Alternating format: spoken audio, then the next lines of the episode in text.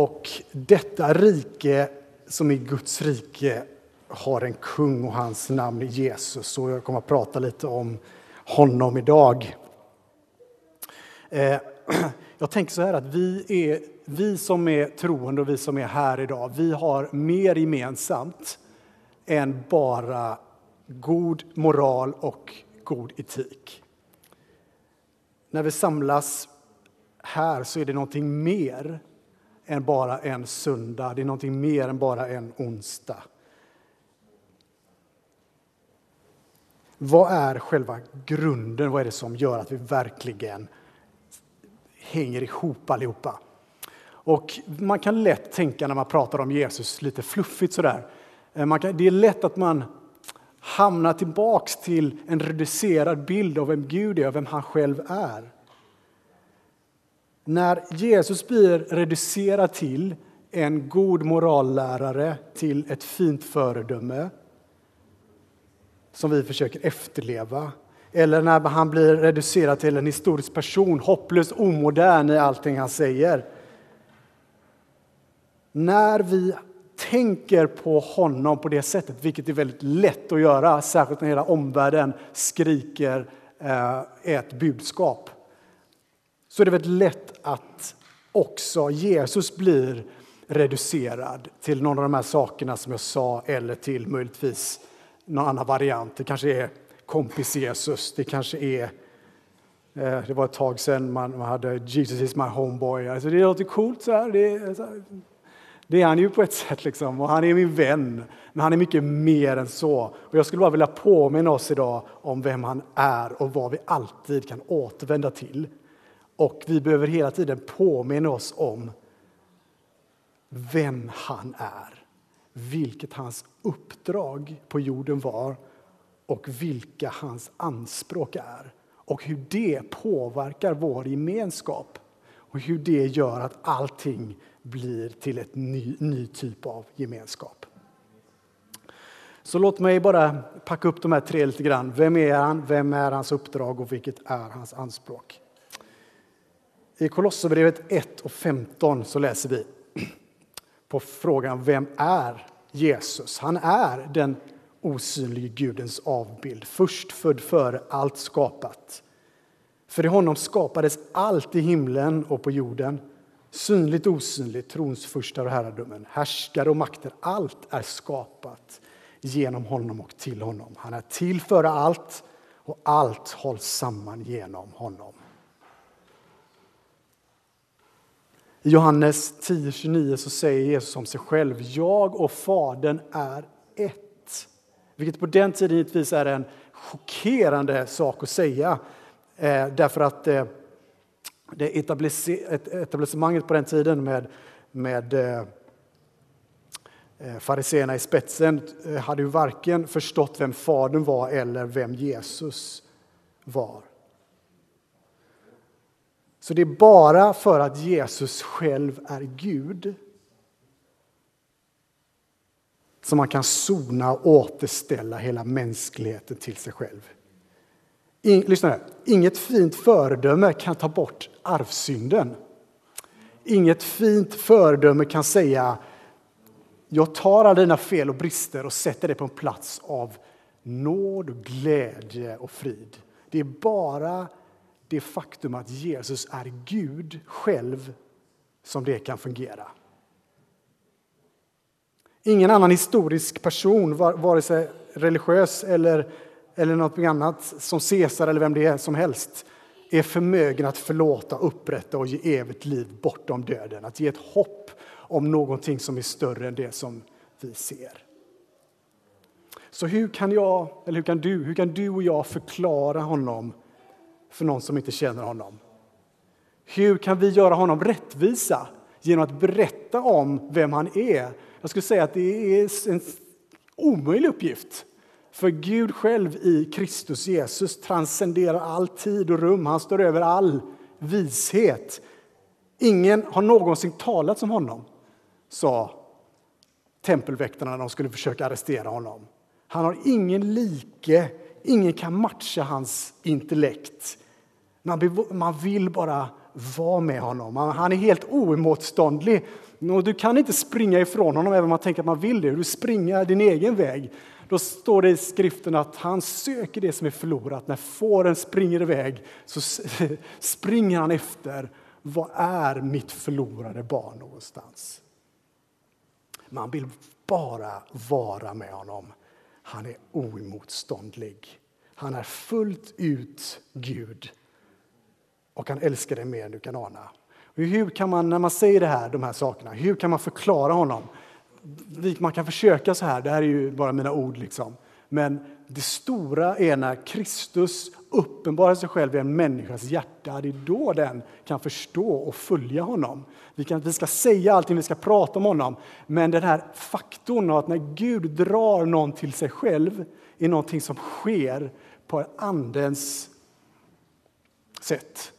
Det är en, en operation rakt in i vårt hjärta som utan det så fungerar ingenting. Utan det fungerar inte vår gemenskap heller, skulle jag vilja säga. I Johannes 6 så står det så här. Ingen har sett Fadern utan han som är från Gud. Han har sett Fadern, alltså Jesus nu. Jag säger er sanningen. Den som tror har evigt liv. Jag är livets bröd. Era fäder åt mannat i öknen och de dog. Här är brödet som kommer ner från himlen för att man ska äta av det och inte dö. Jag är, säger Jesus, det levande brödet som har kommit ner från himlen. Den som äter av det brödet ska leva i evighet. Och brödet som jag ger är mitt kött för att världen ska leva. Jag blir hela tiden golvad av hur fascinerad jag blir alltid så fascinerad och golvad av hur Jesus uttrycker sig själv när han pratar om vem han är. Det är liksom inte så här, ja men jag kanske kan ta några eh, synder på mig, eller jag är lite så här, jag kommer göra det bästa jag kan.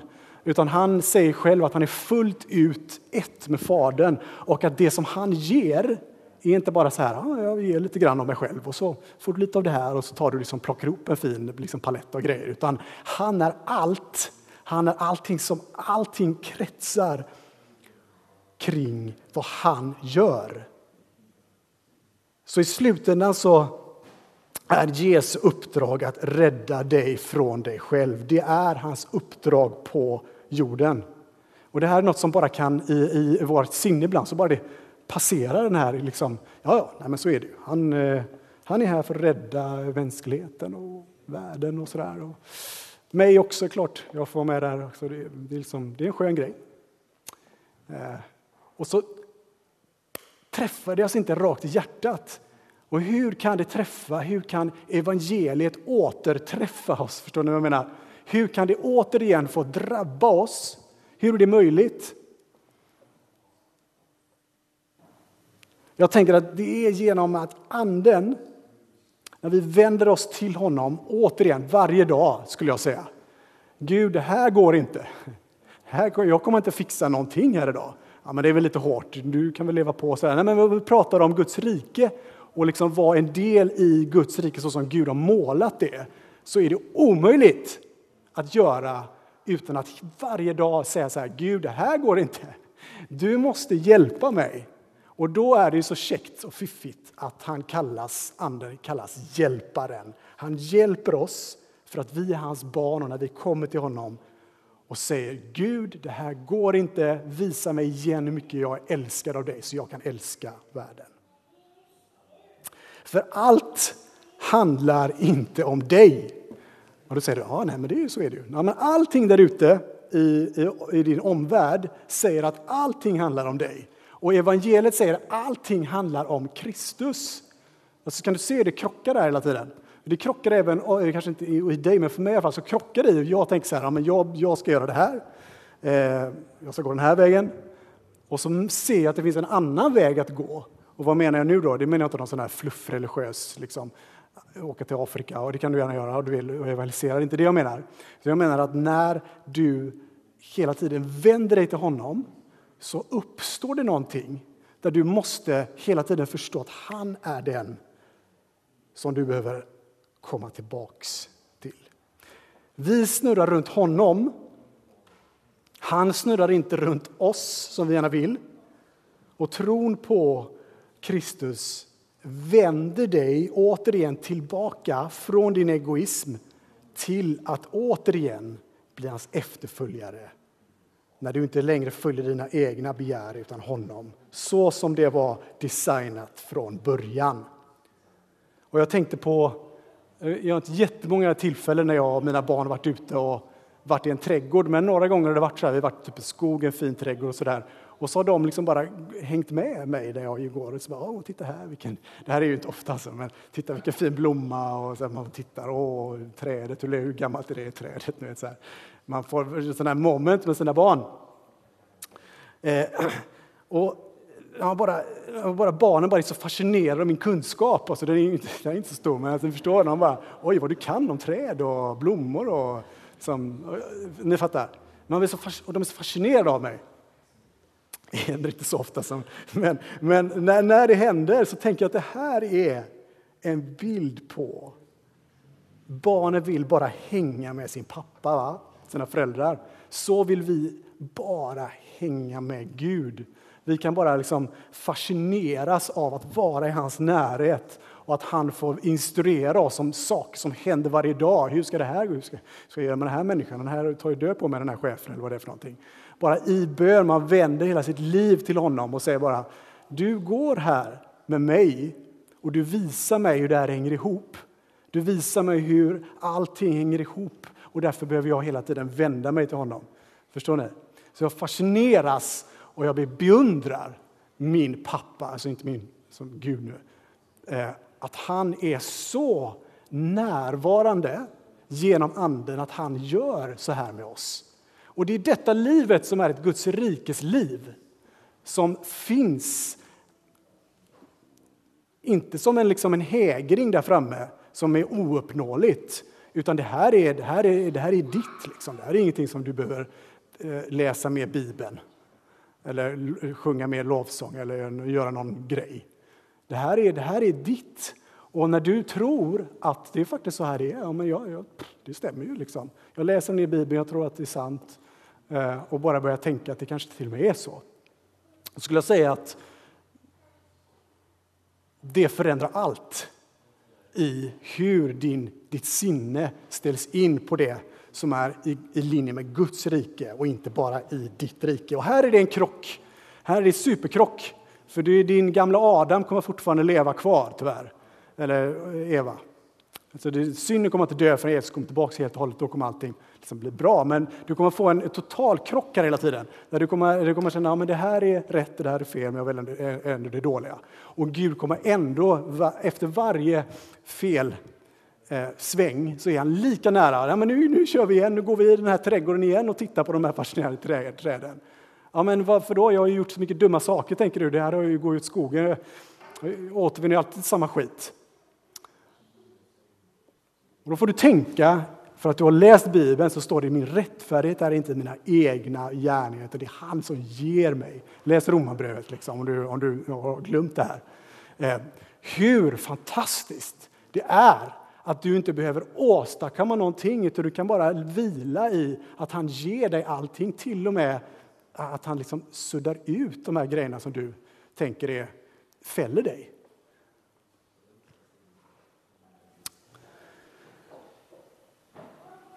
Det står så här i brevbrevet 12, jag ska snart landa här, 12 och 2. Låt oss ha blicken fäst på Jesus, trons upphovsman och fullkomnare. Låt oss ha blicken fäst på honom. För att, den, för att nå den glädje som låg framför honom uthärdade han korset utan att bry sig om skammen och sitter nu på högra sidan av Guds tron.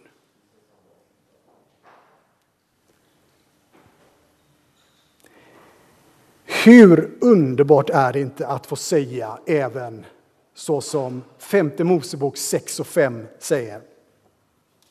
Det här är alltså precis efter att eh, lagen om gädd, eh, ni vet stentavlorna och allting finns här. Och efter det, alldeles i nästa eh, kapitel här, så står det så här. Hör Israel, Herren vår Gud, Herren är en. Och du ska älska Herren, din Gud, av hela ditt hjärta, av hela din själ, av hela din kraft. Dessa ord som jag idag befaller dig ska du lägga på hjärtat.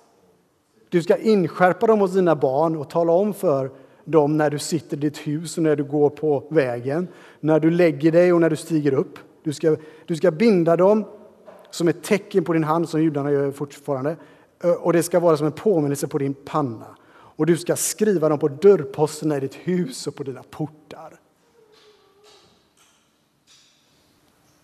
Hela min varelse vill jag vända mot Gud varje dag. Ja, men eh, varför då? Varför ska jag göra det? Därför att du behöver påminna dem hela tiden om att vem du är i honom. Du behöver hela tiden säga jag älskar dig, Herre, av hela mitt hjärta. Jag vill älska dig av hela min själ. När jag fallerar med hela min kraft så vill jag att du skulle ge mig det som jag saknar. Gör allt du kan för att ta tag i skatten. Skatten är given gratis, bara ta den. Alltså, bara så ni kommer ihåg så jag säger lite högre här. Fattar ni? Så det, det, det, den, den här, vem, vem ser det här? Är det för mig? Jag har gjort alla bra grejer. Nej, det är för var och en som tror att Jesus Kristus är Guds son och har uppstått från de döda till ett liv som är ditt här och nu. Det är evangeliet och det är ditt. När du ser att det här är ju mina grejer.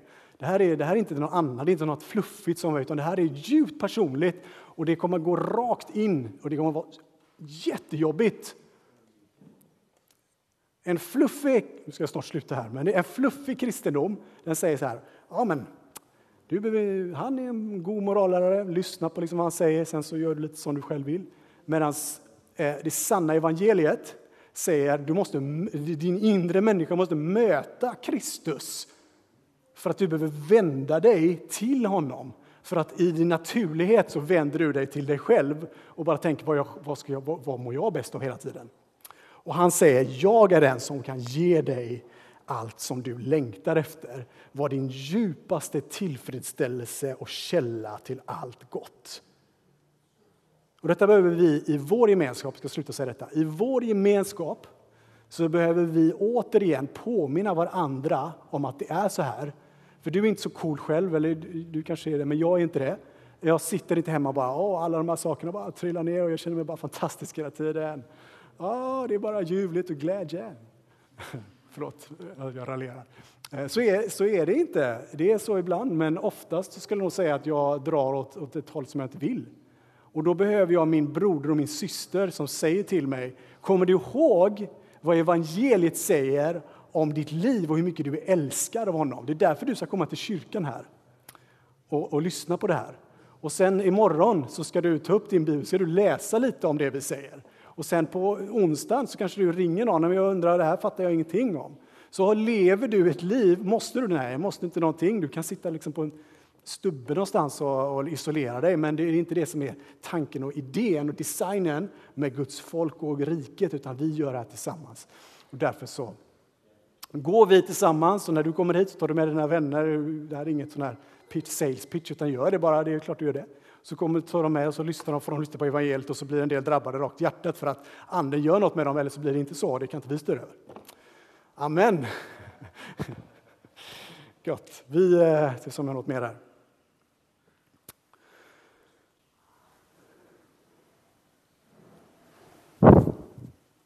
Vi ber. Kristus, du som ger oss liv och liv i överflöd. Låt oss återigen få skåda in i ditt ansikte för vem du är. Låt oss åter få se och glädjas över att vi har blivit dina barn, blivit återställda i vårt inre och att vi genom hela våra liv kan få vända oss till dig, till din ära för ditt rike, så att vi kan vända blad. Tackar dig för att eh, din ande får verka på våra hjärtan, att du får eh, hjälpa oss där vi behöver hjälp, att du får upprätta oss, att du får befria oss på alla sätt. Tack Kristus för att du är här. Amen.